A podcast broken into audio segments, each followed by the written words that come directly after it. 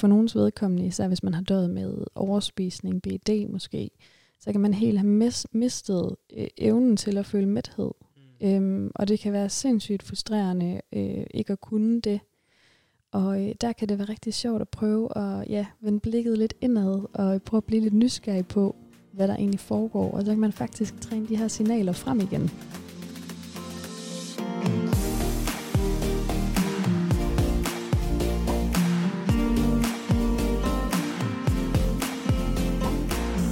Velkommen til træningsteamen. Træningsteamen er for dig, der vil have mere viden om styrketræning og om kost. En podcast fri for bro science og quick fixes. Vi er dine værter, Nikolaj Bak. Og Camilla Andersen. Jeg er medejer i Styrk, og jeg har en bachelor i medicin med industriel specialisering. Og øh, jeg er træner, vaneterapeut og overspisningscoach i Styrk, og så har jeg skrevet øh, speciale i ACT. Det har du nemlig. Og hvis du, kære lytter, kunne tænke dig en uforpligtende snak med øh, os, eller en af vores trænere, coaches, fysioterapeuter eller vaneterapeuter som dig, Camilla, i øh, Styrk omkring et forløb, så er det bare at klikke ind på styrkmig.dk. Vi er tilbage. Det er vi. Jeg har ikke, øh, jeg har ikke nogen øh, mærkelig anekdote at øh, starte det her afsnit med. Øv. Har du det? jeg s- Nej, men... øh, Har du nej. oplevet noget vildt? Har jeg på det sidste? vildt? Nej, jeg synes faktisk, mit liv er lidt, øh, lidt kedeligt. Nå, Nej, det okay. ved jeg ikke, om jeg vil kalde det. Det er nok bare meget almindeligt. Jeg har ikke en vild historie, desværre. Nå, det, øh, det kan være, at vi også har fået fortalt alle dem, øh, inden vi begyndte op til podcast faktisk. Ja, det tror Det jeg. der alligevel lidt tid med. Det tror jeg ellers altså ikke op til podcast, men med alt muligt andet. Det har nok været meget underholdende for lytterne at være Ja. med. Jeg kan fortælle, at uh, Skandinavisk Dyrepark er et godt sted, hvis man godt kan lide at se dyr. Ja, Det er overhovedet ikke sponsoreret, men det vil også være super mærkeligt, hvis de sponsorerede træningsteamen. ja, egentlig. Mm. Og øh, jeg kan fortælle, at øh, træstammen i Forp Sommerland, den er meget vild. Ja, den, det er der, hvor man får vand på sig. Sådan. Ja, Det er lang tid siden, jeg har været for op Sommerland, men jeg er ikke, øh, jeg er ikke god til ting, der kører rundt. Jeg kan faktisk godt sådan, sådan de hurtige rutsjebaner og sådan Ja. noget, men karusellerne, jeg kan heller ikke sådan noget som de der tekopper og sådan noget. nej. Ej, det kan jeg slet ikke tåle. Altså jeg kan huske, jeg havde været deroppe en dag og prøvet og sådan noget lynet og sådan noget, der går relativt hurtigt, og det gik fint. Og så som det aller sidste, så satte jeg mig i de der, du ved, de der åndssvage gynger, der kører rundt i Ja, sådan en cirkel, ja. meget, meget, meget, meget langsomt. Mm-hmm. Jeg tror, det er rigtig meget en børneforlystelse, men jeg havde det dårligt i timevis efter. Det er så sjovt. Ja, Men altså, vi, øh, vi var oppe og prøve øh, alle de vilde. Og da vi så kom til træstammerne, så var vi fandme skræmte. Og det er jo Ja. bare, fordi man sidder ikke fastspændt i træstammerne. nej, det føles jo som om, man flyver ud. Præcis. Og det tror jeg altså også godt, man kan. Jamen, jeg tænker sådan, jeg tror, min værste frygt var det der med, at man lige får banket hovedet øh, ned i den, den, man sidder bagved. Var det, var, det, var det det, du havde postet et billede af på Instagram? Der var Ja. sådan en flot close-up af, af Ja. dit hoved. Ja, jeg var virkelig ja. presset. Ja, det, det var en, en, der levede livet på kanten. Ja. Ja, det så jeg godt. ja. Så fik man lige blottet sig selv lidt der. Ja. Og vi fik alligevel en, øh, to anekdoter, Ja, vi tror gjorde. jeg, med Yes. podcasten. Fedt nok. Så er vi klar. Øhm, det var to anekdoter. Nu skal vi snakke om øh, otte redskaber. Ja. Og øh, lidt i forlængelse af vores øh, podcast om motivation, hvad det egentlig er, og hvordan man allerbedst kan sætte det i spil for sig selv, så, øh, så kræver det jo også en eller anden form for opfølgning omkring, jamen, hvordan kan man øh, så rent faktisk arbejde med det, man nu er motiveret for. Altså, Ja. hvis man skal i gang med at udføre en eller anden handling, så er det selvfølgelig rigtig godt, at man er motiveret for den, men øh, der er rigtig mange måder at gå til at skabe en ny vane. Og øh, det kan godt være, at øh, der er nogle redskaber der, som kan hjælpe en i den proces. Eller det er der rent faktisk. Det er der. Det er der. Nu er du vaneterapeut, og det kan du afsløre, at det er der rent faktisk. Det er der rent faktisk. Ja. ja. Fedt. Det er dejligt. Det, det er noget af det, vi skal snakke om i dag. Ja, så vi har taget den helt tunge værktøjskasse med, Yes. med alle de bedste redskaber. Yes. Og, øh, og nogle af de her øh, redskaber har vi snakket om før, men man kan sige, at det her det er lidt en, snak, en slags øh, greatest hits Ja. på en eller anden måde. Ja. ja øh, nogle af, af de bedste, hvis man kan sige det på den måde, redskaber sådan i forhold til, hvad der virker på flest mennesker, og hvor man virkelig får noget, hvad skal man sige, bang for the buck, altså hvor at, at man kan gøre en ret stor forskel nogle gange med en relativt lille indsats. Så øh, den her redskabskasse, den er et øh, godt sted at starte. Er der noget, der hedder en redskabskasse? Redskab, det er der nu. En kasse med redskaber er vel ja, en redskabskasse. Det, det er der faktisk. Øhm, og apropos begreber, der måske, måske ikke findes, så, øh, så kommer jeg egentlig også til at tænke på, at det her med vaner i det hele taget, er jo, øh, nu snakkede vi om, at motivation, det var et øh, sådan noget, som alle snakker om. Ingen ved, hvad det egentlig er. Det kan man sagt med også sige om det at arbejde med vaner. Ja, for søren. Øhm, det bliver brugt i flæng. Ja. Der er sådan nogle øh, buzzwords inden for branchen. Så er det sådan lidt populært nogle gange. Øh, madro, for madro, eksempel. for eksempel. Ja. Eller, øh. eller øh, jeg laver et personligt, individuelt program. Eller kostplan. Yes. Ja. ja. Det er ikke individuelt, at det er en algoritme, der laver et sådan regnet ud. Nu skal du have 18 gram æggevidere, for eksempel, fordi det passer til dit kalorieantal. Præcis. Ja, så, øh, så nu skal vi rent faktisk prøve øh, at sætte nogle ord på, hvad vil det sige at arbejde med vaner? På en måde, hvor vi rent faktisk tager udgangspunkt i, hvordan fungerer vaner, hvorfor er de der, øhm, og hvordan, ja, hvordan bruger vi ligesom nogle redskaber, der tager udgangspunkt i den proces, kontra at gøre noget helt, helt andet, som det vil være for eksempel at skulle lave en kostplan. Ja, og så, øh, som du sagde, så kan det jo godt være, at man har hørt om nogle af de her øh, redskaber før, eller arbejdet lidt med nogle af dem. Men øh, jeg vil våge at påstå, at de alle er nogen, der godt kan tåle at blive nævnt igen. Mm. Og øh, så synes jeg selv, det også er fedt det der med, at det er jo meget forskelligt, hvad man fokuserer på i forhold til det her med vaner og træning og kost. Og øh, ja, man kan godt øh, have glemt nogle af de der simple redskaber, som man egentlig godt kender til, men, øh, men man har fokuseret på noget andet i en periode, og så har man lidt glemt, at, øh, at de overhovedet findes. Så jeg, jeg tænker godt, de kan tåle at blive nævnt igen. Ja, og jeg vil sige, hvis, øh, hvis der er noget, man finder ud af, når man arbejder med vaner, så er det, at øh, gentagelse er aldrig en øh, dårlig ting. Lige præcis. Ja, så øh, skal vi tage den fra toppen? Det synes jeg. Jeg har, øh, jeg har lagt min telefon for langt væk, til at jeg kan her. se vores liste. Ah, men det er fantastisk. Øhm, du har lavet en række greatest hits, som yes. vi skal kigge, uh, kigge nærmere på. Den første, det uh, handler om at sætte sit uh, miljø op til succes, som jeg plejer at sige, mm. uh, ved at uh, lege med tilgængeligheden af ting. Uh, man kan øge tilgængeligheden, og man kan mindske den. Og uh, hvis vi skulle komme med et uh, eksempel uh, i forhold til mad, så kunne det for eksempel være, at uh, hvis man gerne vil spise mindre slik, så kan man mindske tilgængeligheden af den ved for eksempel at øh, sørge for, at det ikke er noget, der øh, ligger i huset, øh, og at man går ned, når man har lyst til det, og det passer ind, så kan man gå ned og købe den mængde, man cirka ved passer til, hvad man er sulten til, og øh, så har man det ikke til at ligge i, øh, i huset til dagligt. Det er, det er en måde at, at mindske tilgængeligheden af noget på. Man kan så også øge tilgængeligheden øh, ved for eksempel, hvis man gerne vil spise flere grøntsager, så kan man gøre det nemt. Det kunne være ved, at man køber øh, poser med øh, frosne grøntsagsblandinger, som Rema faktisk har nogle gode, nogle af, ved jeg. Ja, faktisk. Ja, øh, mange forskellige også. Sådan, øh, det kunne være en nem måde, ligesom at, øh, hvis man køber nogle af dem ind, har dem i fryseren, når man ved, at de kan passe ind i aftensmaden, lige hælde dem ned i gryden til, øh, eller i panden til noget kød og noget, øh, nogle kulhydrater af en eller anden art. Mm. Øhm, ja, i stedet for at have ideen om, at det skal være øh, grove, friske grøntsager, som man ja. selv snitter og ja. forbereder.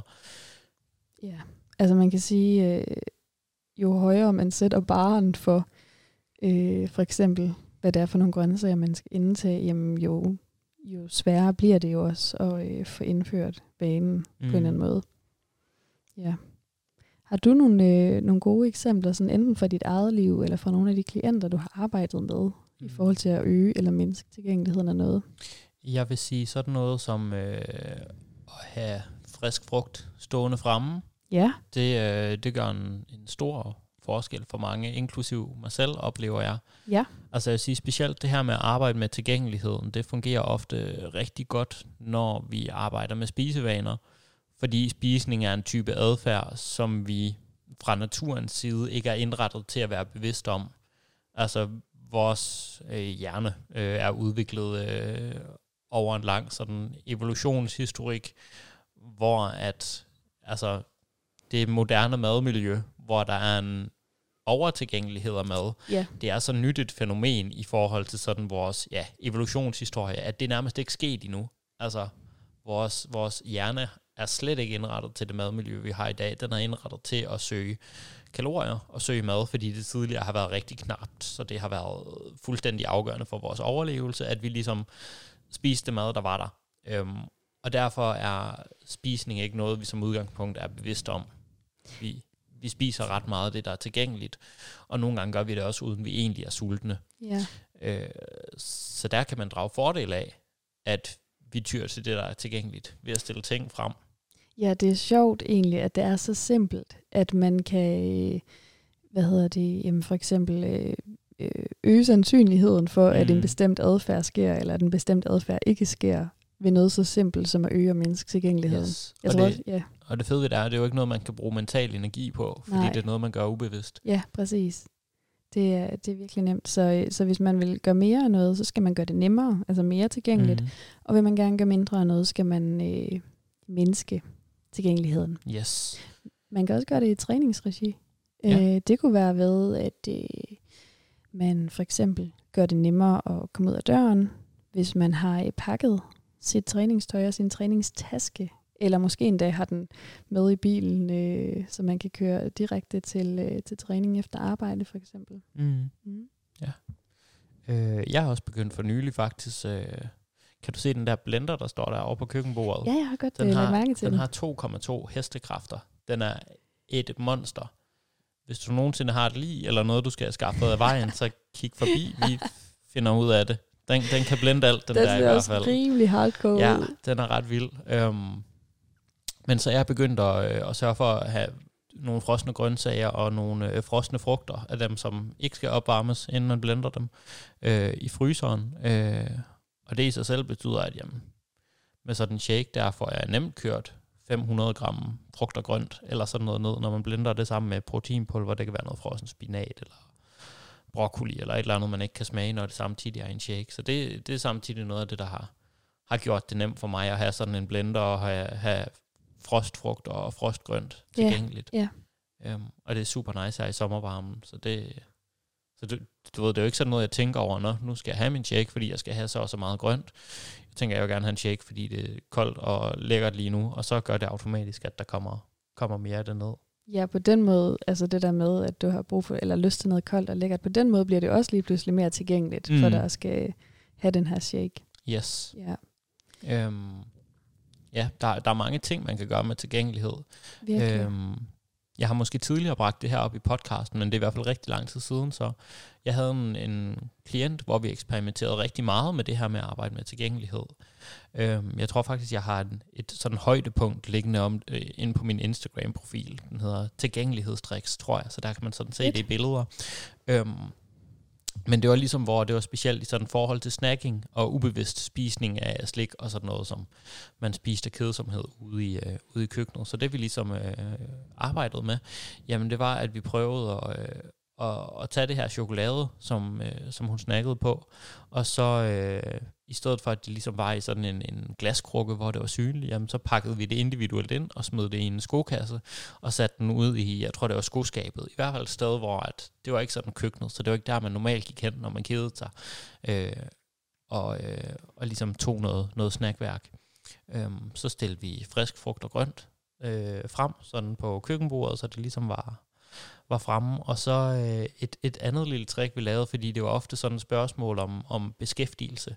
Du ved, man keder sig, og så øh, spiser man af, af kedsomhed, eller fordi man lige sådan, ja, skal gøre et eller andet. Så, øh, så for at imødekomme det behov, så øh, installerede vi et lille øh, puslespil på, øh, Ja. på køkkenbordet. Sådan et ufærdigt puslespil, der bare stod. Fordi så ofte, når hun så bevægede sig over i køkkenet og sådan automatadfærd, så faldt hun lige over puslespillet, og så begyndte hun at lægge det. Øhm, og der er altså mange, der oplever sådan, når de lægger puslespil, så er der lige pludselig to timer, der er forsvundet Yes. ud i det blå. Det var fuld nærvær på, øh, på at finde de rette brikker. Ja, ja. øhm, og ikke overraskende, så betød det, at hun spiste markant mindre af de her chokolader, uden det var, fordi vi havde gjort det forbudt. Tværtimod øh, nød hun det meget mere, når hun spiste chokolade, fordi så var det et aktivt valg at gå ud og tage det i skoskabet. Ej, det er en sjov historie faktisk. Og jeg kommer lige i tanke om, at jeg øh, øh, kender nogen, der både har øh, opbevaret chokolade i postkassen, øh, nede i postkassen, hvor, øh, hvor øh, folk bor på, øh, nu siger jeg tredje etage, for eksempel yes. i et lejlighedskompleks. Jeg kender også nogen, som har... Øh, det er en øh, fælles bekendt, der har gjort det. Ej, hvor sjovt. øhm, det har jeg faktisk hørt flere gange, det med postkassen. Det er et ret godt tip, hvis man bor i et lejlighedskompleks i hvert fald. Jeg har også hørt om nogen, der har øh, gemt øh, hvad hedder sådan noget, kanelsnegle og sådan noget ude i fryseren. Fordi det, at de har frosset dem ned, har jo også gjort det mindre tilgængeligt. Ja, klart. Det er også sjovt. Og det er sådan, øhm, det er her, hvor det kan give rigtig god mening, som du siger, at der er nogle ting, hvor man siger, at det er fint, at jeg opbevarer dem nede i supermarkedet, fordi de er stadig tilgængelige. Jeg må gerne, her er jeg bare ved at bevidst, når jeg henter dem der. Det er faktisk en virkelig god måde at se det på, det der med, at supermarkedet opbevarer det for en. Altså, det, det er jo sjældent, de, at de ligesom løber tør for det. De, de plejer at have det, når man så endelig skal bruge det. Ja. Øhm, jeg tror bare, der, der er nogle gange, at så kommer man til at tænke på det, som når man står det dernede, så er det fordi, det er forbudt. Ja. Det, det behøves ikke være, fordi man har forbudt øh, sig selv at spise chokolade for eksempel. Øh, man har bare gjort nemmere for sig selv i det konkrete tilfælde at spise det, når man virkelig har lyst, og ikke når man gør det per automatreaktion. Ja.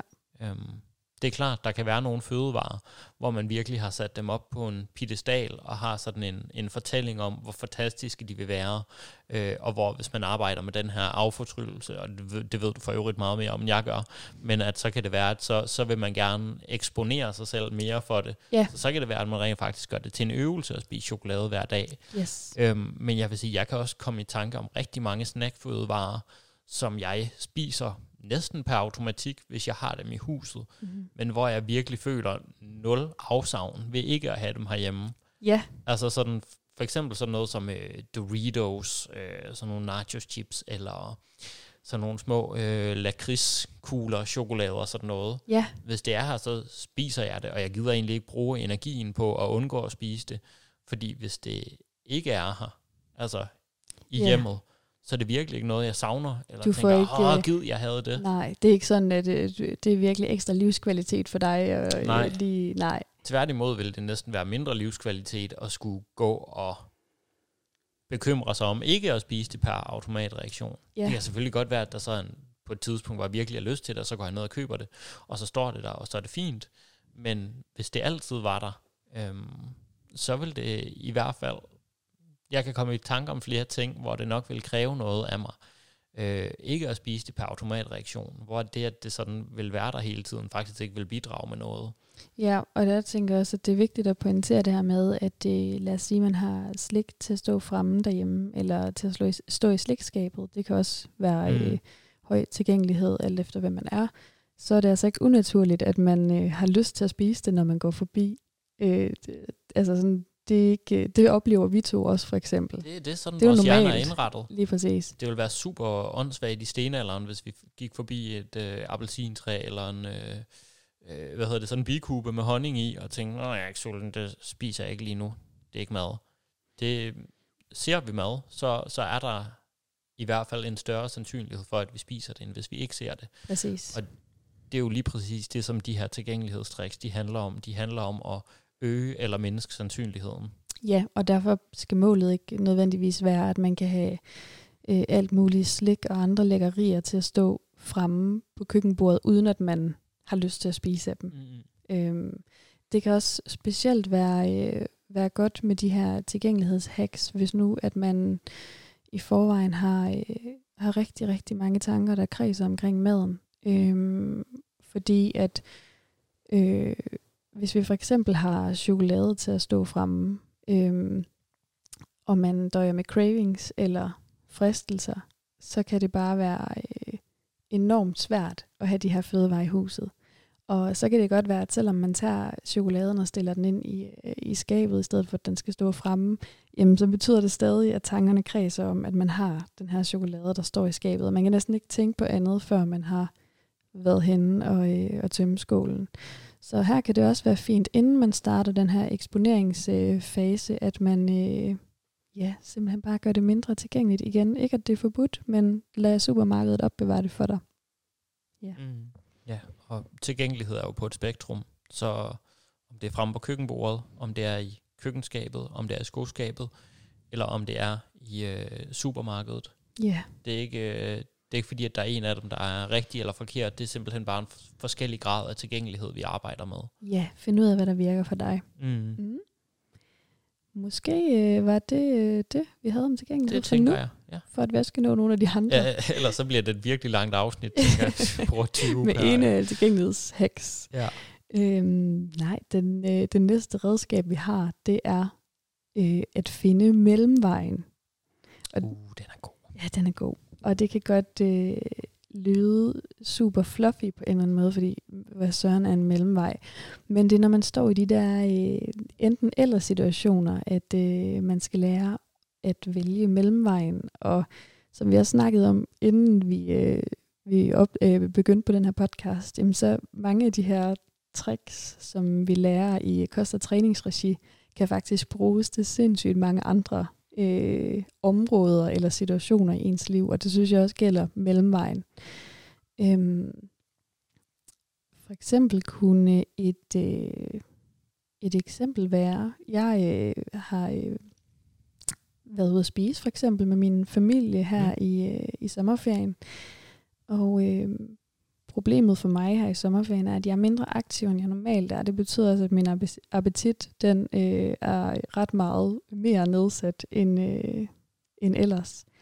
Og øh, der kan man godt komme til at stå i sådan en situation, at man egentlig på den ene side gerne vil øh, værne om den her hygge, og man vil også gerne sige øh, ja tak til at komme med og spise, og øh, synes alligevel, at man har nogle... Øh, sådan nogle, nogle ting, man egentlig gerne vil holde lidt fast i med kosten, uden at det på nogen måde skal være rigidt eller noget.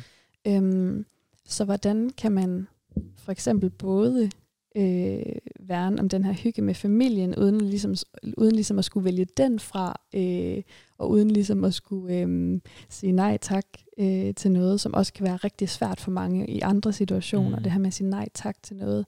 Jamen, øh, så kan man faktisk både tage hensyn til den her hygge med familien, og til de ting, man har omkring sin appetit og sin kost, man gerne vil øh, fortsætte med, ved at øh, vælge en, øh, jeg valgte sådan en lille, jeg valgte to af sådan nogle små snackretter, øh, fordi jeg tænkte, det passede ret godt ind. Jeg valgte også noget protein, det var også noget, jeg havde lyst til, fordi jeg tænkte, det passede ret godt ind i mm. øh, de ting, jeg ligesom gerne vil, vil fortsætte med, med min kost, og det passede til min appetit. Så på den måde kan man sådan finde en eller anden mellemvej i den der enten eller.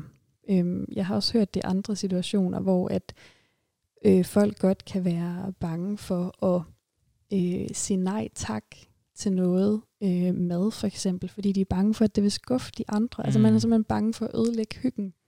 Men altså husk på, at der findes altid en mellemvej, hvor du både kan sige ja til dig selv og også mm. til, til hyggen. Ja, altså, jeg spurgte for eksempel tidligere, om du kunne tænke dig en bolle. Ja. Og det er ikke sådan, at vi sidder og er dødelige uvenner lige nu. Nej. For eksempel. jeg tænker ret meget, at det har haft nul konsekvenser for resten af dagen. Ja. Men man kan let bilde sig, bilde sig det ind, at det vil have store konsekvenser på samme måde som at i forhold til det her med at finde mellemvejen. Vi har ofte glemt, at mellemvejen overhovedet er der. Altså vi har ofte bildet os selv ind, at det er okay, så er det enten det her, eller også så er det det her. Ja. Øhm, hvor at der skal man nogle gange lige træne sig selv igen til at se, at okay, tingene befinder sig på et spektrum på en eller anden måde. Ja. Eller der er ofte en eller anden måde, hvor vi kan forene de to valg. Ja. Øhm, om det så er, øh, jamen lad os sige, det kunne også være, at, at man skulle øh, på noget socialt. Okay, skal jeg se familien i dag, eller skal jeg tage mit træningspas på to timer? Så kan det være, at man ser familien, men at man tager en hurtig morgentræning, og det kan godt være, at man ikke har lige så meget energi om morgenen, det kan være, at man ikke helt har tiden, men så kan det være, at man laver noget mindre. Ja.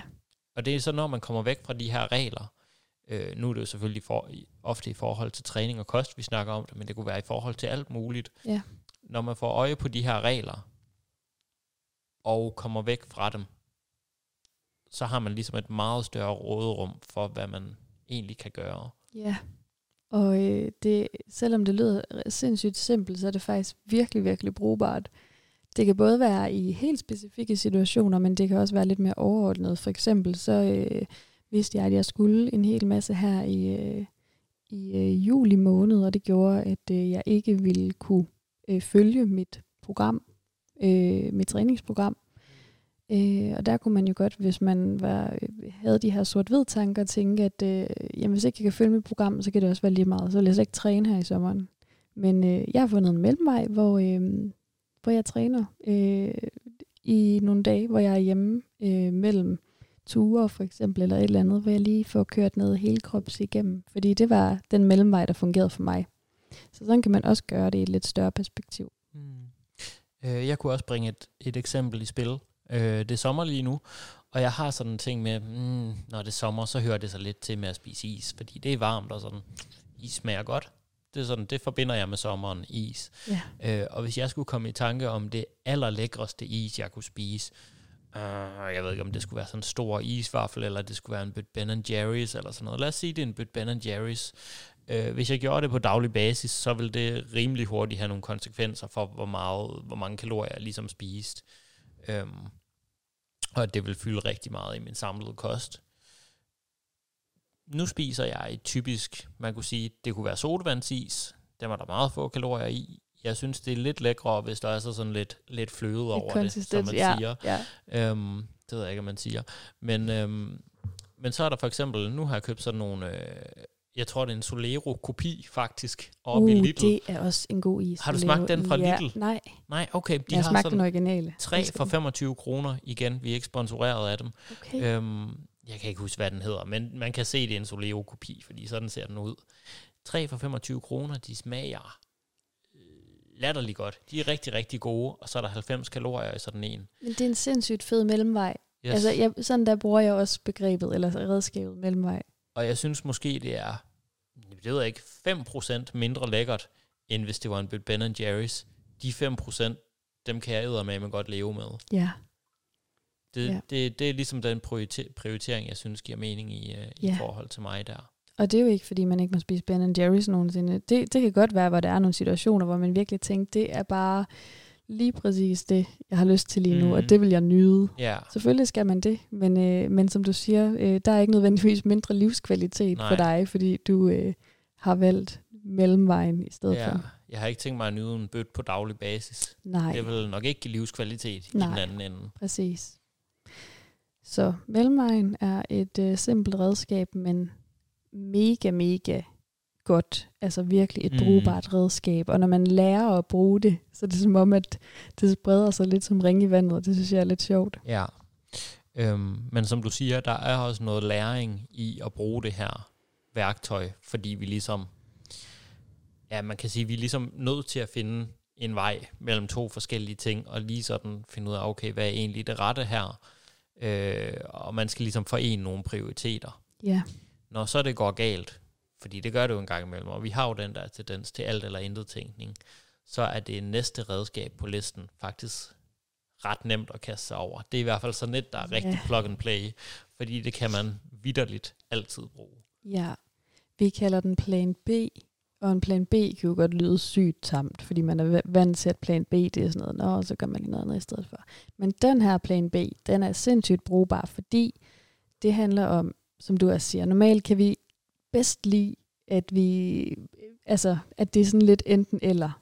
Så når vi for eksempel øh, går all in på en træningsvane, så skal vi også gerne øh, følge alle de træningspas, der står på programmet. Mm. Men hvis man så øh, en dag øh, kommer ud for en situation, der gør, at man, eller man ligger syg, eller et eller andet øh, i en periode, hvor at, øh, hvor man ikke kan følge det her træningspas, øh, som man plejer, øh, så kan man jo godt have tendens til at gå ind i den her, men så kan det hele være lige meget. Yes. Der øh, er vi også nødt til lidt at tænke på, at vi har en vane, vi skal træne. Så i stedet for, at øh, det hele bare kan være lige meget, altså at vi går all in, eller også så gør vi slet ikke noget, så kan man lave en plan B. Og øh, en plan B behøver ikke at være sådan noget med, at øh, så kan du stå og lave et træningspas derhjemme på gulvet. En plan B øh, betyder, at du finder ud af, hvad er det mindste, jeg kan gøre, for at jeg stadig føler mig in the game, mm. har jeg Mhm. lyst til at sige. Øh, altså, og vi er nede ved sådan noget, der hedder øh, lav lige 10 air squats på øh, stuegulvet. That's it. Eller fem armbøjninger, eller for nogen kan det altså også bare være sådan noget med øh, spise en håndfuld gulerødder eller en hånd- håndfuld tomat, og så føler man, at man har gjort et eller andet mm. for, altså stadig for sig selv på en eller anden måde. Øh, Ja. Og så har man ikke den der, det hele kan fandme være lige meget følelse. Ja. Så hvad er den mindste handling, du kan gøre, der ikke er at gøre ingenting? Yes. Øhm, og det er egentlig sjovt, nu snakkede vi om det her som mellemvejen. Det her det er lidt udvejen. Det er ja. den vej, man altid kan tage, lige meget hvor meget huset det brænder. Yes. Så kan du altid gøre et eller andet. Også selvom det er det mindste, der ikke er at gøre ingenting, så er det stadigvæk at gøre noget. Ja. Og som du siger, det holder vanen i gang. Men selv bitte små handlinger, de, øh, de har det dels med at sprede sig som sådan ringe i vandet. Øhm, fordi man får den der succesoplevelse med stadig at gøre noget. Men på lang sigt, så gør det altså også en forskel. Ja, og det er også fordi, at vi godt kan have tendens til, øh, hvis der er et eller andet på programmet, eller i vores hele vores sådan mentale planlægning af, af den proces, vi er i, hvis der er et eller andet, det vi ikke kan følge, jamen så kan vi godt have tenden- tendens til at gå i den der what the hell-effekt, mm. Og så bare øh, virkelig gå i modsatte retning, og spise alt, hvad der er i køleskabet, og så vil man slet ikke bevæge sig, man gider ikke engang ud og gå tur med hunden måske, fordi nu kan det hele også bare være lige meget. Så den her plan B kan faktisk, øh, kan faktisk sådan lidt forhindre, at man når derud, hvor man går lidt i, i øh, ja, modsatte grøft. Mm, ja, så hvis ens mål det var at spise 500 gram frugt og grønt om dagen, øh, hvilket ikke nødvendigvis vil være et godt mål at starte med, men lad os nu sige, at det var ens mål, så, øh, så plan B kunne være spise frugt eller grønt. Sådan vidderligt, at hvis man så spiser en gulerod eller en cherrytomat eller et eller andet, så har man stadigvæk aktivt gjort noget, Mm. øhm, og plejet den vane, for du har stadigvæk gjort en aktiv handling. Og Ja. du forebygger, ligesom som du siger, at man så går i den anden grøft, ved rent faktisk at ja, kunne holde sin adfærd ved lige. Så man ikke får den der, når nu kan det være lige meget. Ja. Så spiser jeg tre bøtter Ben Jerry's i stedet for at spise en gulerod. Yes. Det kan godt stadig, når man skal lave den her plan B, øh, være udfordrende i ens hoved. Det kan det altså også godt med mellemvejen. Det, man kan godt stå der og tænke, nu, nu skal Men det er jeg jo ikke godt nok. Men ja, men det er jo ikke godt nok, når jeg skal, når jeg bare, hvis jeg bare skal lave 10 air squats på gulvet, eller bare lige spise en gulerod. Altså de her tanker, øh, de, kan, de kan så stadig være en udfordring, og det er helt normalt. Men, men altså, lav plan B alligevel, alligevel, eller find mellemvejen alligevel. Så øh, de her tanker, øh, de er normale, og øh, ja, de tanker, de behøver ikke at bestemme, hvordan du handler. Lad dem være der, og så øh, lav plan B alligevel, eller mellemvejen. Yes. Ja. Har vi alt med plan B? Det tror jeg. Fedt. Så er vi klar til at øh, gå videre til næste, som er øh, ifølge min telefon Temptation bundlinjen. Dejlig ja. autocorrect. Temptation bundling hedder det, hvis vi skal være lidt mere præcise. Hvad, ja. hvad er Temptation bundling? Øhm, jamen det er jo det er også et af, et af favoritredskaberne herfra, men det er når vi kombinerer noget, vi har øh, brug for at gøre, med noget, vi har lyst til at gøre. Ja. Så øh, man kan sige, hvis der er noget, som man egentlig har brug for, eller godt kunne tænke sig, at man gjorde, men som er svært, eller som man ikke har sådan akut lyst til, så kan det, øh, så kan det glide lidt nemmere ned, hvis man kombinerer det med noget, som man godt kan lide. Altså, så det kan være så simpelt, som hvis man gerne vil ud og gå, jamen så lytter man til en podcast, eller det kan være, at man øh, ja, hører noget god musik, når man træner. Øhm, jeg hører lydbog, mens jeg tager opvasken. Ja. Kæft, jeg får taget noget opvask for tiden. Ja, og man bliver distraheret også Ja. helt. Og det er også det, der er sjovt. Det ved man jo faktisk også i forhold til mad. Øh, cravings og sådan, at øh, jeg ved, der er lavet noget på, øh, altså nogle undersøgelser på Tetris. Ja, Det, det synes jeg er lidt sjovt, det der med, at man faktisk helt kan blive distraheret for de her øh, cravings og tanker om mad. Ja, og det er vist faktisk både i forhold til cravings, øh, men jeg mener også, hvis folk de har oplevet nogle traumatiserende oplevelser, Okay. øh, og har nogle billeder, der bliver ved med at dukke op i hovederne, for eksempel, hvis man har Okay. set en ulykke eller sådan noget. Ja, Der mener jeg også, der øh, uden at være noget i nærheden af ekspert på området, jeg mener også, der er lavet nogle, nogle undersøgelser der, hvor man har brugt det simpelthen til at distrahere med. ej, hvor spændende. Ja, men, men ja, Det var lidt et sidespring, ja, men godt øhm, eksempel på, Tetris ja, er også... Øh, Tetris. Ja, jeg gjorde det faktisk selv i dag. Jeg har brugt det temptation bonding, fordi øhm, jeg strikker. Og øh, for dem, der lytter med, som også strikker, så øh, ved jeg garanteret godt, at øh, der er noget, der skal pilles op en gang imellem, og det er pisse irriterende, for at sige det mildt. Og øh, så skal man sidde, hvis man... du, du kigger på mig, som om jeg virkelig ved, hvad du snakker om. Jeg har engang lavet en ringbrynje. Jeg tror lidt, det er det samme. Det kunne godt være sådan noget Ja, også. Altså, det er vel bare at øh, strikke i jern, Ja, det, jeg. ja, det tænker jeg. Ja. Så. Det var, ja. Mm-hmm. Jamen, så ved du, hvad jeg snakker om. Undskyld den ekstremt relevante afbrydelse. Ej, det var den. Øhm, jamen, øh, så, det er pisseirriterende, og det er... Der, der, der kan godt være lidt en frustration forbundet med, med at skal skille, også hvis man strikker med flere tråde, skulle skille alle de her tråde ad, Mm. når nu man skal pille op. Og øh, jeg, øh, jeg havde lyst til at se et webinar i dag, og øh, så tænkte jeg, det kan jeg gøre. Jeg kan pille det her op, imens jeg hører webinaret. Og øh, jeg var faktisk også, som vi snakkede om før, totalt distraheret øh, af webinaret. Jeg, jeg tænkte ikke over den her frustration, at jeg skulle pille det her øh, strik op. Så det er også en måde at gøre det på. Mm. Mm. Hvad, hvad gør du selv ellers som Øhm. temptation bundling ud over opvasken? Jamen, så kan man sige sådan, øh, til træning lige nu, hvor der er varmt, så kan jeg godt lide at have øh, et eller andet øh, koldt, lækkert at drikke med. Øhm, jeg elsker light sodavand. Det er også Øh, lækkert. Light saftevand kan jeg også godt lide. Så typisk så har jeg et eller andet, øh, et eller andet sødt saftevandsværk i min, øh, i min drikkedunk Ja. når jeg til træning. Og øh, det er ikke fordi, jeg ser det som sådan en belønning for at træne overhovedet, fordi øh, det er ikke noget, jeg hverken behøver så sådan belønne mig selv med, eller gøre mig fortjent til. Altså øh, saftevand i det tilfælde, det vil også være mærkeligt. Øhm, men det er sådan, vi nogle gange har det med mad, hvis det ligesom er den indgangsvinkel, vi har til det. Men det er simpelthen bare to ting, der ligesom, øh, ja, det hænger bare sammen. Og det, det er meget nice. Og så, så er der jo det i det, at, at på samme måde som vi kan bruge den her ting, vi har, vi har lyst til, til at gøre den ting, som vi har brug for at gøre, mere sandsynlig, øh, så begynder de ofte at hænge sammen. Så nogle gange, når jeg så Ja. får lyst til at lytte til podcast, jamen, så begynder jeg egentlig at tage øh, opvask sådan lidt af sig selv, fordi de to handlinger er ligesom bare koblet sammen på en eller anden måde. Ja. Og det er jo lidt nice et eller andet sted. Ja, det er meget sjovt. Altså, det kan også være sådan noget med, at øh, hvis man gerne vil ud og bevæge sig lidt mere, så øh, kan man koble gåture sammen med at tale i telefon for eksempel Mm. med, øh, det kunne være et familiemedlem eller en veninde. Man kan også tage en veninde med på gåtur. Og så bliver man også, altså ikke fordi alt skal handle om at blive distraheret, men så bliver man også distraheret fra, at man faktisk øh, er ude og, øh, og gå og bevæge sig. Mm. Ja. Så det er også et øh, rigtig godt rigtig godt trick. Ja, Temptation bundlinjen. temptation bundlinje, ja. Det øh, gad jeg faktisk godt vide, hvad det betød. Det må komme i en anden podcast. Ja, det tænker jeg også.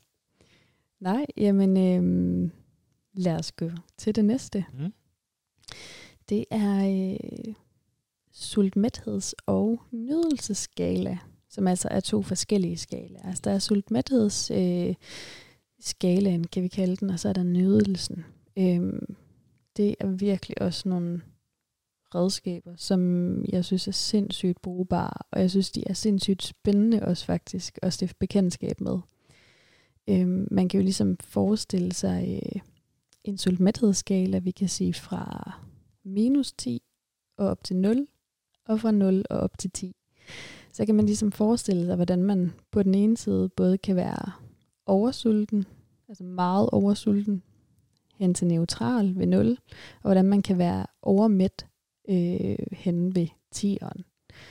Øhm, og det er ret sjovt det her med, når man begynder at vende blikket indad, at man sådan for nogens vedkommende, især hvis man har døjet med overspisning, BD måske, så kan man helt have mis- mistet øh, evnen til at føle mæthed.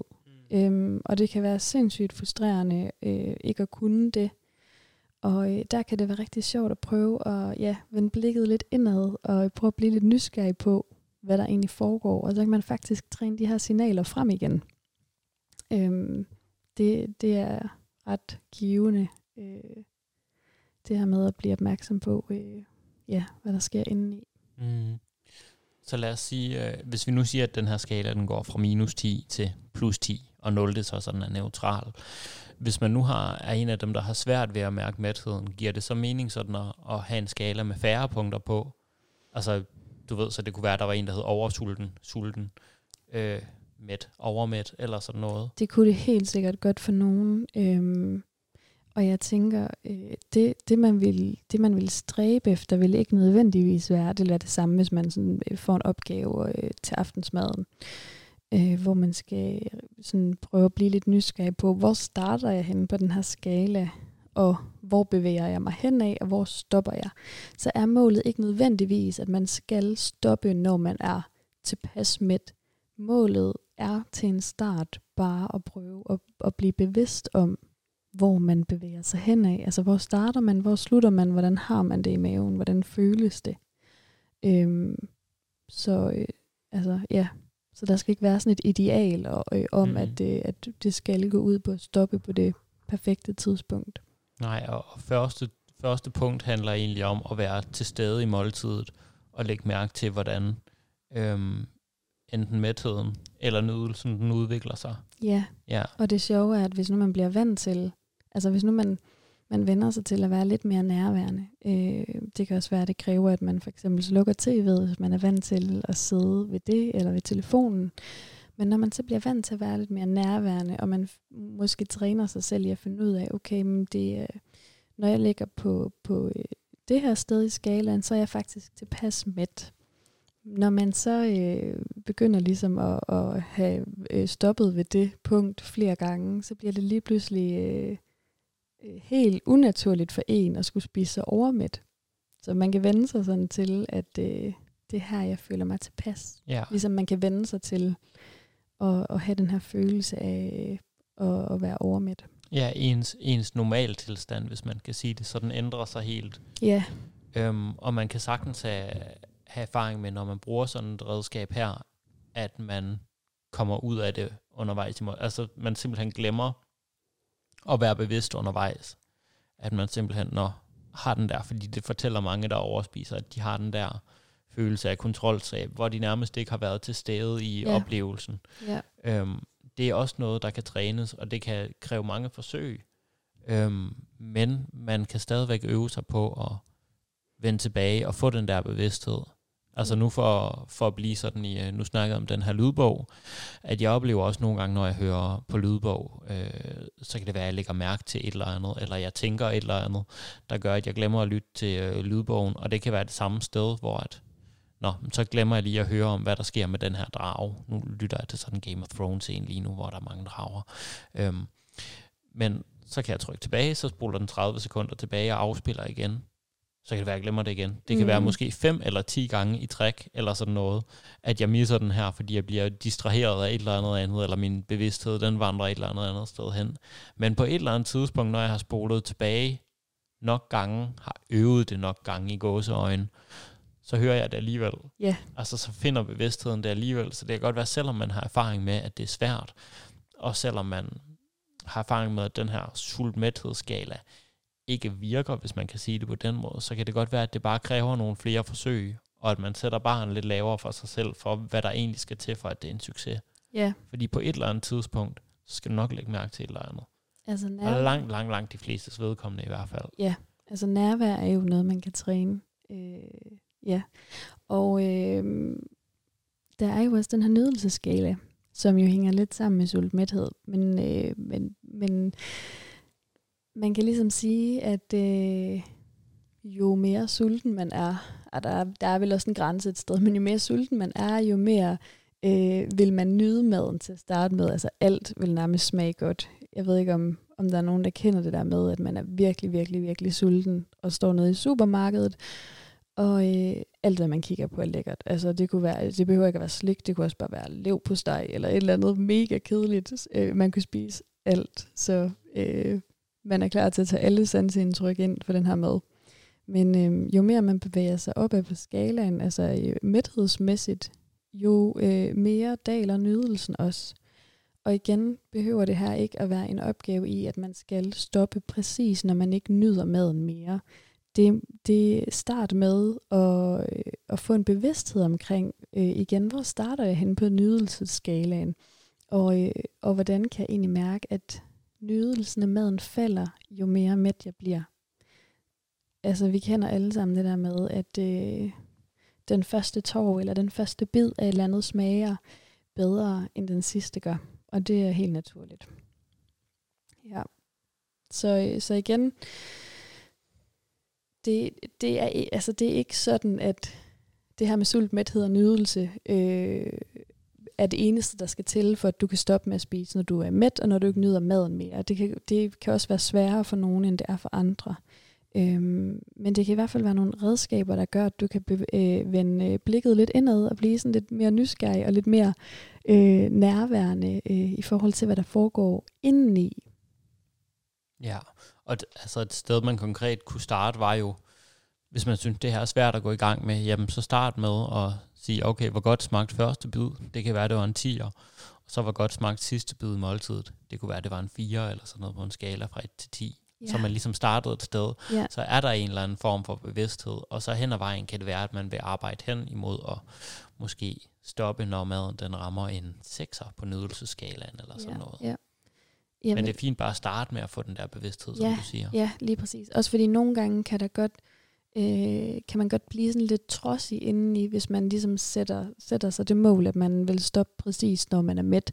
Så kan der godt være den der sådan trodsighed indeni en, altså nogle, nogle tanker, som altså, bli, ja, bliver lidt trodsig på den måde, at de vil have, at man sådan bliver ved med at spise. Fordi man godt kan gå lidt i, øh, i modsatte grøft, hvis, Ja. ja. man, hvis man sætter sig det. Nu er der fandme nogen, der har bestemt, at Ja. jeg skal stoppe, når den er på en femmer. Ja. Jeg spiser til Jeg den er spiser til en treer, ja. for eksempel. Også selvom det er en selv, Ja, der har truffet det. Altså, vi har det bare ofte svært med regler. Ja. Og dem, dem har vi sådan indre trods mod. Det har rigtig mange mennesker i hvert fald. det er fandens, men, øh, men det er sådan, det er. Ja, så, øh, så det er sådan, man kan starte. Jeg vil også anbefale, øh, at man måske starter med et enkelt måltid. Altså, det for eksempel er aftensmaden, hvis det er der, man har roen til det. Altså, lad os sige, man spiser øh, frokost med sine kollegaer, eller med øh, ringende telefoner her og der. Så kan det godt være, at det ikke er der, man ligesom skal... Øh, eller det, at det ikke er der, man har bedst mulighed for ligesom at sidde og, mm. og være nærværende i måltidet. Så kan man gøre det, når man når det passer ind, for eksempel ved aftensmaden. Det er heller ikke sikkert for dem, der har, nu siger jeg bare små børn for eksempel, at, at det er der, man, man har mulighed for det. Men, men gør det, når det passer ind. Mm. Ja, og så i takt med, at man får øvet det i det måltid, hvor man ligesom benytter den her skala, jamen så begynder man, som du siger, så underbevidst får man også en ny normal for, hvad der egentlig vil være normal ophed, hvad hedder det, normal mæthed, som man tidligere øh, måske har har oplevet, som det der objektivt set vil være overmæthed, men man har spist så mange gange til det, at det er ligesom den retning, termostaten er blevet skubbet mod. Men Lige så når man præcis. kommer tilbage mod normalen på en eller anden måde, så vil det jo også gavne alle de andre måltider, hvor man ikke spiser efter den her skala. Det ved det nemlig. Og der kan man også, det har jeg også oplevet her i, øh, her i sommeren, det der med, når der er, der har måske været noget slik og noget, når man har været sammen med familien, som har været ekstra meget tilgængeligt i forhold til, hvad det ellers vil være, fordi man gerne skal hygge sig, når det er sommer, når hele Mhm. familien er på besøg. Øh, og i sådan et tilfælde, hvor maden er meget tilgængelig, øh, og man måske spiser, går og nupper lidt mere, end man ellers ville, der kan man også lige pludselig, hvis man har vendet sig til at være opmærksom på det her med nydelsen for eksempel, der kan man også lige pludselig mærke, okay, nu er jeg faktisk gået forbi og har taget øh, en del vingummier, de smager ikke rigtig af noget længere. Mm. Mm. Nu gør jeg det bare for kedsomhedens skyld. Så det breder sig lidt ud til andre situationer også. Ja. Ja, lad os se, hvad vi ellers har. Vi har øh, redskabet at reframe. Uh, den er spændende. Den er spændende. er vi- Positiv reframing. Der er vi lidt mere over i sådan det mentale. Kan man sige Ja, det? ja, det kan man godt. Det er jo faktisk et uh, redskab fra kognitiv adfærdsterapi. Um, at reframe, øh, hvis vi sådan skal oversætte det øh, helt til dansk, så, så plejer jeg at sige, det er, jo, det er jo lidt at putte noget i en anden ramme. Altså, så du har en handling, eller en situation, eller et eller andet øh, som billede, og, øh, og så, så putter du lige en anden ramme omkring det. Øh, det kunne være, at øh, det kunne være, at man for eksempel øh, for eksempel har glædet sig rigtig meget til, at det skulle være sommervejr. Øh, og øh, at øh, ja, og at man finder ud af, at man bor i Danmark, og der er bare ikke særlig meget sommervejr i sommerferien. Der er regnvejr, og øh, der er blæsvejr. Og det er pisse irriterende, synes man måske. Øh, det kan man bare ikke rigtig gøre så meget ved. Så kunne en positiv reframing være, okay, vi har vejret, øh, og det er som det er. Men nu putter vi det lige i en anden ramme, end det der med, at det er pisseirriterende og træls og ærgerligt. Nu putter vi lige i en anden ramme. Okay, hvad kan regnvejr, blæsevejr, som sommeren ikke kan? Det kan noget med, at øh, det, det er sgu lidt mere hyggeligt at sidde indenfor og se en film og lave en kop kaffe eller et eller andet, og sidde og hygge sig under dynerne, når det regner og blæser udenfor. Det er sådan en helt klassisk måde at reframe på. Mm. Øhm, den kan også bruges. Lasse. Jeg, jeg vil også lige sige til haveejerne, ja. når, man, når man først får en have, så sætter man bare meget mere pris på regnvejr om sommeren, fordi at, at, at det ikke skal, hvad hedder det, det skal ikke vandes, og det tørrer ikke fuldstændig ud. Det, det er sådan, jeg, jeg virkelig, virkelig prøver at huske mig på, hver gang der er lortevejr, så bare sådan, ah, men til gengæld så bliver tomaterne vandet. Ja, men det er jo også en måde at reframe på. Altså det er det. Det der med lidt at se øh, det positive i det. Øhm, ja. Er det noget, du nogensinde sådan har øh, altså bevidst øh, talt med nogle af dine klienter om, eller er der nogen af dem, der sådan har... Mm, jeg har nok snakket med Have om dem, ja. Ja. jeg, jeg ved ikke lige, om jeg sådan har nævnt det i forhold til sådan et redskab som reframing, men det er jo egentlig et meget fint eksempel på det. Ja. Altså, øh, også, altså hvis nu man for eksempel er en, der godt kan lide at løbe, ikke, og man skal ud og løbe i regnvejr, mm. øh, så kan man godt sætte det igen i, godsøjne, i den ramme, at det er pisseirriterende, at det løber, eller at det løber, at det regner, løber ned med vand. øhm, men, men igen, vejret kan man ikke rigtig kontrollere. Så kan man sige, okay, hvad kan en løbetur i regnvejr, som en løbetur i sol ikke kan? Jamen, den kan et eller andet med måske, at øh, man føler sig lidt ekstra sej, mm. når man er på den der løbetur, fordi man ikke lader vejret øh, komme i vejen og man føler sig måske også lidt ekstra stolt, når man kommer hjem fra den der tur. Og øh, måske nyder man også endnu mere at komme ind under et varmt bad, mm. øh, når man kommer hjem fra en løbetur i regnvejr. Apropos den her med sådan at, at føle sig sådan lidt, lidt ekstra dedikeret, eller hvad man nu skal sige. Øhm, jeg har jo nogle gange snakket øh, med folk om det i forhold til sådan noget med at træne, når man er syg. Ja. Hvilket er en rigtig dårlig idé, fordi man kan smitte andre mennesker, men man kan også forlænge sit sygdomsforløb og, og i det hele taget sådan skade sin træning af det faktisk. Øhm, men det kan godt være svært for nogen at tage den der fridag, når de er syge, øhm, fordi at de ligesom føler, at de vil jo gerne være dedikeret med deres træning, og ja, det, det føles bare ikke godt. Det er jo så der, hvor man kan sige, om dels er det sgu ret dedikeret at gøre det rigtige valg for din træning, som ikke føles godt. Øh, det er ret dedikeret at blive hjemme fra træning, så du kan blive rask, så du rent faktisk kan prioritere din træning endnu bedre fremadrettet. Øhm, også selvom det ikke er det valg, der føles godt. Det mest dedikerede er jo faktisk at gøre det, som er svært, men som er rigtigt i situationen, hvilket er at blive hjemme fra træning, også selvom det ikke er det, man har lyst til. Ja, det er faktisk, det, ja, det er faktisk virkelig, øh, virkelig godt sagt.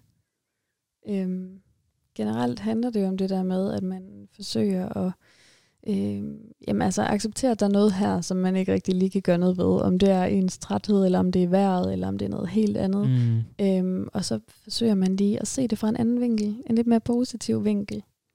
Og øh, det er et øh, sindssygt godt redskab at have på hylden. Øhm, nu øh, stammer øh, traditionel kognitiv adfærdsterapi og ACT jo sådan fra øh, altså lidt for samme rødder, ikke? men, men øh, ACT er sådan den nyeste bølge. Øh, og øh, det, det sjove er, at øh, jeg kan jo egentlig lide redskaberne fra begge tilgange, øh, og de er gode til forskellige situationer. Fordi ACT bruger man ikke positiv reframing. Nej, det er de meget fy imod. Ja, det er de, og det er lidt sjovt. Øhm, fordi i ACT, der forsøger man ikke at ændre på, øh, på, noget, øh, på noget negativt eller noget svært, Mm. øh, for at gøre det mere positivt eller, øh, eller bedre, eller sådan i den dur. Der, der gør man udelukkende det, at man, øh, man accepterer de her ting, der er svære, og arbejder på det. Det lyder nemt lige at sige acceptere, men altså det mm. kan være en proces, og der er flere redskaber i det end, end som sådan. Ja, og- søg på ACT. Ja, Vi søg på ACT, ret mange ja. episoder om det. ACT og træningsteamen. Ja. Øh, jamen, så forsøger man at acceptere, at, at det ligesom er omstændighederne, og, øh, og rummer de her ting, der er svære, og handler alligevel øh, på baggrund af de værdier, man har. Det kunne være, at man igen tager, rummer, at man er skuffet, og man er mega ærgerlig over, at vejret er dårligt, dårligt men man tager på løbeturen alligevel, fordi det er vigtigt for en. Men, øhm, og det kan også noget, og det kommer vi jo faktisk til Mm. lige om lidt i det her med at ride på bølgen, som vi skal snakke om. Ja. Men, øh, men det er bare for at sige, der er ligesom forskellige værktøjer i den her værktøjskasse, og de fungerer øh, godt øh, hver især på forskellige tidspunkter, synes jeg. Mm. Ja, og jeg synes også, der er en, der er en hårfin grænse imellem det, som ACT nok vil kalde reframing på en eller anden måde. Altså, at det lidt er sådan, man prøver at tænke negative tanker væk, mm-hmm. hvilket man ikke rigtig kan. Men der er en hårfin grænse mellem det, og så rent pr- faktisk prøve lige at se tingene fra en anden vinkel, og måske se nogle handlekompetencer i den her situation, som man ikke lige havde set før. Ja, det har du fuldstændig ret i. Øhm, og, og det synes jeg kan noget i reframingen. Ja, det synes jeg virkelig også, og nogle gange kan det faktisk være en utrolig simpel måde lige at gøre en situation lettere på. Mm. Øh, det der med, at man lige sådan minder sig selv om, okay, øh, det behøver du faktisk ikke se fra øh, den her negative vinkel alligevel. Yes. Og nogle gange kan det også godt blive lidt en vane, at man ser møder tingene med en form for skepsis eller frustration, eller at man er ret hurtig til at blive frustreret over noget, man overhovedet ikke har kontrol over, Ja. vejret for eksempel. Ja, fordi på samme måde som at man kan sige, man kunne godt sige, at, at reframing handler om, at tingene altid skal ses fra en positiv vinkel, men man kan også bare prøve at se det fra flere vinkler, Ja. og så tage det fra den, fra den vinkel, der ligesom er mest hensigtsmæssig for en lige nu. Ja, det handler jo ikke om, at, at alt skal være positivt, eller at mm-hmm. det negative ikke må være her. Det handler bare om, som du siger, lige at prøve at tage et par andre briller på. Ja.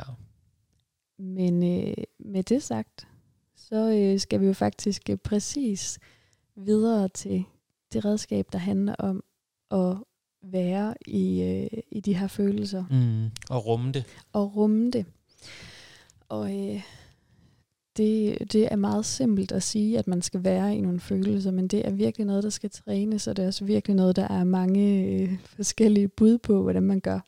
Øhm, den metafor, vi vil bruge i dag øh, til det her med at, at være i de her følelser, det er at ride på en bølge.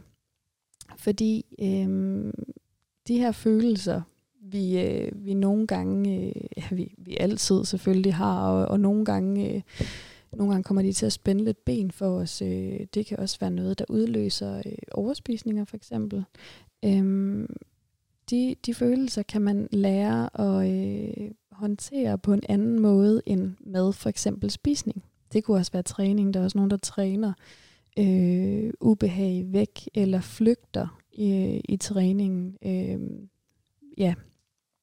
Og der skal man ligesom forestille sig øh, følelserne, de her svære følelser, eller det her ubehag, man ligesom, øh, man ligesom øh, oplever indeni, som en bølge. Og det vil sige, at bølgen, den, øh, nu kan dem, der kun lytter med og ikke ser, de kan ikke se, hvad jeg gør med hånden, men bølgen, den rejser sig sådan ligesom sådan en rigtig surferbølge. Mm. Ikke? Den bliver høj, følelserne kommer på sit højeste, og er sindssygt svære, når bølgen er på sit højeste. Øhm, men du ved også, at den her bølge, den øh, falder lige så stille ned og bruser ud på et tidspunkt.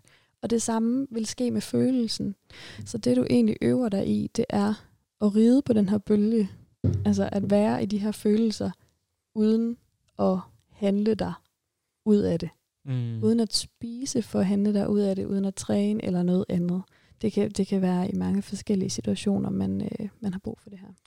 Og nogle gange så giver det mening at distrahere sig selv fra følelsen, og andre gange så giver det mening rent faktisk at rumme det. Ja, Og, og som du siger, så, øh, så kan vi ofte have den her idé om, at den akutte følelse af ubehag, at det er den, der bliver ved med at være der. Øhm, man kunne drage en parallel over til at være sulten. Så når man sådan er oversulten, det føles ikke super øh, behageligt, og det er heller ikke noget, vi som sådan skal gå efter. Men mange vil også opleve, at når de så har ramt den der oversult, så falder det lidt alligevel bagefter, hvis nu man ikke lige fik noget at spise. I hvert fald, hvis man ikke har, øh, har sådan fået sig selv ind i en fortælling om, at sult er rigtig farligt. Det er ikke fordi, at vi skal gå og være sultne, og det er ikke fordi, at vi kun må spise, når vi er oversultne. Det er faktisk en dårlig idé sådan generelt. Men samtidig er det ikke noget, man behøver at være bange for.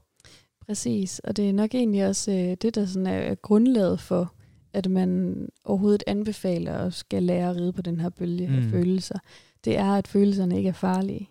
Øhm, selvom vi nogle gange godt sådan, øh, per definition kan tænke det, uden vi egentlig mm. øh, opdager det. Men altså, det kan også være, det kan være stress, der jeg kender, kender mange, eller har mødt mange igennem tiden, som øh, også øh, spiser. Det kan være at køre ind forbi en tank på vej for arbejde, eller sådan øh, øh, spiser på stress, øh, eller på øh, kaos på arbejdspladsen for eksempel, eller frygt for et eller andet. At der er også nogen, der kan øh, spise på, øh, når de har negative kropstanker, og alt det her bare bliver for meget, bliver for stort et kaos ind i hovedet, så spiser de det, eller spiser, spiser de det væk, eller spiser på det. Øhm, og som du sagde, der er, jo en, der er jo en balancegang mellem, hvornår giver det mening at distrahere sig selv fra noget, og hvornår giver det mening at, at rumme det, og bare mm. være i det, indtil det forsvinder. Og det man jo i ACT siger, nu den en lidt forsimplet version, fordi det var en, en, et lille punkt i den her podcast, men det man jo i ACT siger er, at, øhm, at man ligesom skal vurdere, hvornår noget er funktionelt eller ej. Så kan du, lige, kan du lige hurtigt distrahere dig fra følelsen med et eller andet, og det er funktionelt for dig, jamen så fortsæt med det. Mm. Men hvis du for eksempel er vant til, at når du, øh, når du føler stress, øh, når du er kommet hjem fra arbejde, jamen, så er du vant til at skynde dig og øh, have en overspisning, så du kan øh, mærke noget andet end de her følelser. Så kan det godt være, at du vurderer, at det er ikke særlig funktionelt for dig at håndtere følelserne sådan. Og så kan man ligesom bruge det her bølgeredskab. Mm, ja, så det er i hvert fald godt til at give en bevidsthed om, at noget, der føles rigtig ubehageligt lige nu, eller rigtig svært lige nu, det er sjældent, det bliver ved med at være sådan. Ja. Ja. Det kan også bruges i, et andet, i en anden kontekst, som jeg selv synes er lidt sjovt. Det er det her med, når man har lyst til at overspringshandle. Mm. Altså, øh, det er svært. Det kender jeg slet ikke til. Nej, det gør øh, jeg heller ikke. Nej. Ej, og det Men til dem, der gør. Til dem, der gør, så har vi lige et lille råd. Nej, men det er fordi, det er, svært, det er egentlig svært sådan helt at sætte ord på, hvad det er, man mærker indeni, når man får lyst til at overspringshandle. Men det er sådan, øh, det, det er det samme, hvis jeg har skriveblokade, ikke? Og så, man, så fikser man lige noget andet imens, mm. eller sådan et eller andet. Og det er svært helt at sætte ord på, hvad, hvad det egentlig er for et ubehag, man mærker indeni, fordi jeg vil ikke sige, at det sådan er mega svære følelser, men det er alligevel noget, man har øh, lyst til at flygte fra. Så det gør man ved overspringshandlinger. Mm. Og der mm. kan den nemlig også bruges. Og det synes jeg faktisk også er lidt sjovt at øve sig i det. Øve sig i sådan, okay, lige nu der har du lyst til at fortsætte noget andet, fordi du ikke lige kan rumme, hvad det er, du skal nu. Ja. Eller hvad, hvad er næste punkt på dagsordenen, ja. eller hvad end det nu lige er. Så prøv at gå ind og tjekke e-boks, og se, hvor ubehageligt det rent faktisk er, når du først er logget på. Ja, det var en god øvelse. Mm. Mm. Har du øh, andre eksempler eller noget, du tænker, vi mangler i forhold til øh, at ride på bølgen og være i følelserne? Nej, jeg synes, det er øh, altså ofte sådan der, hvor jeg ser det, der er det den der, hvor at, at der er en eller anden følelse, kropslig fornemmelse eventuelt, man mm-hmm. er blevet bange for, ja. øhm, som man ender med at gøre en masse uhensigtsmæssige handlinger i håbet om at undgå. Altså sådan noget som jamen, at, at man simpelthen er bange for at blive sulten, og derfor så, øh, så snakker man helt vildt meget, fordi at man er bange for den her sult, fordi at når man, når man først er blevet sulten, så kan man ikke styre sig. Ja. Øhm, og hvis man har den frygt og den fortælling, så, øh, ja, så bliver det lidt sådan en selvopfyldende profeti. Ja. Øhm, men samtidig så er den adfærd, man har brugt for at holde det væk, det er jo den i sig selv, man gerne vil undgå. Altså, ja. Så hvis man er bange for, at hvis man bliver bliver oversulten, så kommer man til at blive sådan et snackmonster. Jamen, hvis du prøver at holde sulten væk ved at snakke hele tiden, eller spise, før du egentlig reelt er sulten, så har du egentlig samme problem, bare i en anden indpakning på en eller anden måde. Ja, og udfordringen ved på den måde øh, altid at spise på bestemte følelser. Ikke at der er noget forkert i det, det gør vi alle sammen, men når man er nået dertil, hvor det øh, i hvert fald ikke er funktionelt for en mere, så er problemet ved at spise på følelser på den her måde, at øh, man ligesom også lærer øh, kroppen at blive altså belønnet med mad, hvis det er den øh, metode, man bruger. Så det kan ligesom også blive en vane. Øhm, og det er jo egentlig fuldstændig det samme den anden vej. Det er jo ikke noget, du det her med at ride på den her bølge og være i de her følelser, det er jo ikke noget, du, bliver, det er jo ikke noget, du er god til øh, nødvendigvis øh, lige nu og her, men det er noget, du kan træne, så det bliver nemmere på sigt. Ja. Ja. Og derfor har vi også proppet den med i uh, Greatest Hits værktøjskassen. Så har vi jo et også mega brugbart redskab herefter. Mm? Vane øh, loopet, eller vanetrekanten, eller Ja. hvad man vil kalde den. Uh, er det den bedste, vi har gemt til sidst? Det føler jeg faktisk, Har, det er. har vi flere på listen? Nej. Nej. Jamen, den er også virkelig god. Øhm, forestil dig en trekant eller en cirkel. You decide. For dem, der ser med på øh, video, så sætter en cirkel ind over. Ja, The Habit Loop. Mega fedt. Okay. Øhm, først så har vi triggeren, som er i en, i en lille ring, eller hvad vi skal kalde den. Øh, så har vi derefter øh, triggeren, som fører videre til handling. Og fra handlingen går der en pil hen mod belønning. Og så fortsætter den faktisk med at køre mm. i et Mm. loop derfra tilbage til trigger øh, og så videre. Og øh, det, der egentlig er spændende ved den her, det er, øh, at folk ofte kommer med en eller anden form for handling. De ved godt, de, de kender handlingen. Det kan være, øh, jeg kører ind på tanken på vej hjem fra arbejde, og så øh, køber jeg fem pølsehorn og to marsbar, og så turbo spiser jeg det hele, når jeg kommer ud i bilen. Mm. Så det er ofte handlingen, de kommer og gerne vil lave om på. Det, der så kommer efter handlingen, det er en form for belønning, og det er ikke sådan en, nu klapper jeg lige mig selv på skulderen, fordi jeg har spist Mm. mm. fem pølsehorn og to marsbar. Det er, øh, det er en dopaminbelønning. Men det, der er så også spændende at se, inden vi bare lige øh, skifter handlingen ud med noget andet, som i øvrigt også er meget forsimplet, det er jo, hvad er triggeren? Altså, hvad er det for et behov, øh, den her mad skal dække? Er det stress, der er triggeren? Øh, er det oversult? Hvis det er oversult, så kan vi jo faktisk øh, klare det med noget så simpelt i gåseøjen, som at øh, forsøge at skabe et mere stabilt måltidsmønster. Mm. Øhm, eller er det selvomsorg? Fordi hvis det er selvomsorg, der er behovet, øh, hvis det ligesom er, er det, der trigger til, til den her handling, så kan det godt være, at øh, det ikke giver særlig meget mening at øh, skifte øh, de her fem pølsehorn og de her to marsbar ud med øh, en skyr, eller et æble, eller øh, en håndfuld gulerødder, mm. fordi det er ikke sikkert, at, at det ligesom vil dække det her behov for selvomsorg. Så hvis man kender den her trigger, og det her behov, det her øh, loop ligesom er øh, øh, et, et billede på, jamen så kan man meget bedre finde ud af, hvad er det egentlig for en handling, vi kan skifte den nuværende ud med. Mm. Ja. Ja, og nogle gange i forhold til spisning, så kan man finde en handling, der faktisk imødekommer behovet meget bedre. Ja. Øhm, fordi hvis, vi, hvis det ikke er sult, vi spiser på, men det er kedsomhed, eller sådan behov for beskæftigelse, eller at man er trist eller ked af det, så er der faktisk ofte nogle handlinger, der imødekommer det meget bedre. Øhm, det kunne enten være, som du siger, rent faktisk at rumme den her svære følelse, som man prøver at spise væk, eller det kunne være, hvis man nu er jamen, ensom, så øh, ringe til en god ven eller veninde og snakke med vedkommende. Eller hvis, øh, hvis man føler sig restløs, så, øh, så finde noget, der giver en endnu bedre ro, end ligesom at bedøve sig selv med mad. Det kunne være rolig musik, det kunne være, at man lige har brug for at sidde ned og stresse af med et eller andet, man kan samle sig om, om det så er strikke eller hækle, eller hvad det nu kunne være. Tage et varmt bad, hvor man lige får lov at mærke sig selv. Øhm, det lød forkert. øhm, sorry. Oh, ja. Øhm, men det der med at, øh, at finde ud af, hvad er det egentlig, man har brug for. Ja, Fordi så skal der sandsynligvis ikke så meget til, som når man netop skal bruge maden til at, at slå sig selv helt ud med, som du beskriver i det tilfælde med sådan en overspisning, hvor at, at, at man simpelthen nærmest bedøver sig selv med mad, fordi at så er det sværere at mærke følelserne. Øhm, men det er netop der, hvor det er at forholde sig til behovet. Det er simpelthen så, jamen det er så vanvittigt godt.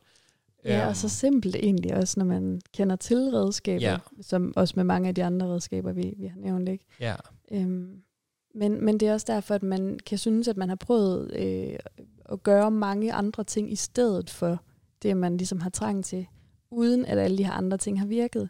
Jamen, det kan simpelthen være fordi, at man ikke, øh, at man ikke ligesom har øh, været bevidst om, at, at der er ligesom en trigger, mm. vi lige skal se tilbage på, og se, hvad er det egentlig, den her handling, den gør for mig? Hvad er det, den skal ja, udrette for mig? Ja, der er, ligesom, der, er en, der er en trigger, og der er et behov, som Ja. vi skal for- forholde os til. Fordi som Ja. du siger, folk kommer ofte, og så er de sådan, Nå, men jeg vil gerne stoppe med den her dårlige vane. Øh, og der kigger man jo udelukkende på handlingen. Ja. Hvis man så vil prøve at kigge lidt, lidt mere på triggeren med behovet, jamen, så er det jo så, man kan spørge, okay, men den her dårlige vane, hvad er det gode i den? Ja, Hvorfor er den der rent faktisk? for Hvad, den er der en grund. Lige præcis, den giver et eller andet. Den, den løser et eller andet i det her behov, man har. Og når man så ser, når okay, jamen, grunden til, at jeg kører forbi tanken hver dag og køber tre hotdogs, jamen det er, fordi jeg er oversulten på det her tidspunkt, eller jeg føler mig også, øh, jeg føler mig helt stresset på det her tidspunkt, øh, så er det jo så netop, at man kan tage udgangspunkt i de behov. Altså, Yeah. og enten, altså hvis man nu sagde, at man var oversulten, jamen, så kunne det være, at man havde brug for et, øh, en- noget så simpelt som at spise øh, et par æbler, eller sådan noget, inden man kører fra arbejde. Det kan være, det kan være nok til lige at tage toppen af den der oversult, så når man kan komme hjem til aftensmaden, og så er det faktisk fint. Øhm, og hvis det er den der med, at man har en total uro i kroppen, jamen, så kan det være, at det måske er en god idé at sætte noget beroligende musik på, når man kører ud i bilen, eller måske lige give sig selv fem minutter til lige at tjekke ind med sig selv, hvis man er til meditation eller sådan. Ja. Der er i hvert fald rigtig mange løsninger, der kunne imødekomme det bedre end tre hotdogs og en pose Haribo, for eksempel. Ja, og det kan jo igen både være andre fødevarer, det kan også bare være helt andre handlinger, som yes. Slet ikke handler om mad. Det er ja, meget øh, afhængig af, hvad for en situation man står i. Og det, ja, det var skide godt, fordi det snakkede du også om inden podcasten, det her vi snakkede med, at jamen, øhm, lad os sige, at man har brug for noget selvomsorg, og det er derfor, man spiser en plade chokolade, så hjælper det nok ikke at sige, "Nå, så skal du spise gulerodstænger i stedet Ej, for. det er i fordi hvert fald ikke særlig... Altså, det betyder i hvert fald ikke selvomsorg for mig, der, kan er jeg ikke, sige. der er ikke mange, der forbinder det med Nej. sådan selvforkælelse. Nej. Men hvis det derimod handler om beskæftigelse, at det er sådan, man bare har lyst til at sidde og snakke og proppe et eller andet i munden, mens man ser fjernsyn eller sådan noget, Ja. så er det faktisk nogle gange, at gulerodstængerne fint kan, øh, kan dække det behov, fordi det egentlig mere handler om sådan selve snack-adfærden, ja, end det handler om, hvad man spiser. præcis. Det, det, det er det, man kommer ind til, når man ser på triggeren og behovet. Ja, og det er også derfor, at man øh, ikke kan vurdere en øh, adfærd øh, funktionel eller ej, øh, før man kender konteksten. Mm. Mm. Det er i hvert fald øh, virkelig noget, øh, jeg har erfaring med, er brugbart Yes. for folk. Ja. Og lige at være opmærksom på den her trigger. Også det her med at blive opmærksom på, okay, jamen, jeg, har, jeg har udskammet mig selv rigtig meget, fordi jeg kører forbi tanken og øh, gør de her ting. Øhm, men når man så lige pludselig får forståelsen for, at man gør det af en grund, altså at det ligesom skal dække et eller andet behov, så giver det lige pludselig lidt mere mening for en. Så handler det ikke bare om manglende viljestyrke, og hvad man nu ellers har sagt til sig selv. Ikke? Så er der, øh, der er en mening med, at man har gjort, som man har gjort. Helt sikkert. Det synes jeg, det var øh, otte rigtig, rigtig gode øh, redskaber. Øhm, og nok også nogle af dem, der, der fylder en hel del i, hvordan vi, øh, vi arbejder med klienter, når det kommer til, øh, til vaneændringer. Ja.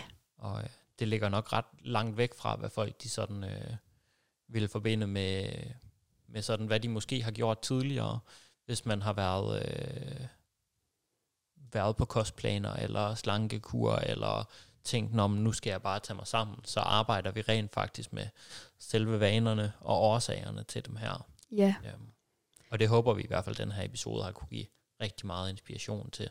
det kunne være fedt, og det, altså, måske skal jeg lige sige som sidste pointe, at øh, det vi har gjort i dag, det er jo at komprimere de her ting ned, Yes. så vi har kunne få dem alle, øh, lidt af dem alle med i den her øh, episode. Men øh, sidder man derude og, og synes, at øh, man har rigtig svært ved lige at øh, takle noget bestemt bare ud fra den her podcast, så skal det jo siges, at der er øh, meget arbejde i de her forskellige punkter, og øh, mange andre ting, som ikke kunne komme med, så man skal ikke, øh, man skal ikke have dårlig samvittighed eller noget, hvis man øh, ikke lige mestrer alle de her punkter ud fra øh, den her podcast. Nej, det er alt sammen en proces, og der er også rigtig mange, der har gavn af at få hjælp i den her proces, og det er ja. Jo også sjovt nok derfor, vi gør det, som vi gør i det daglige.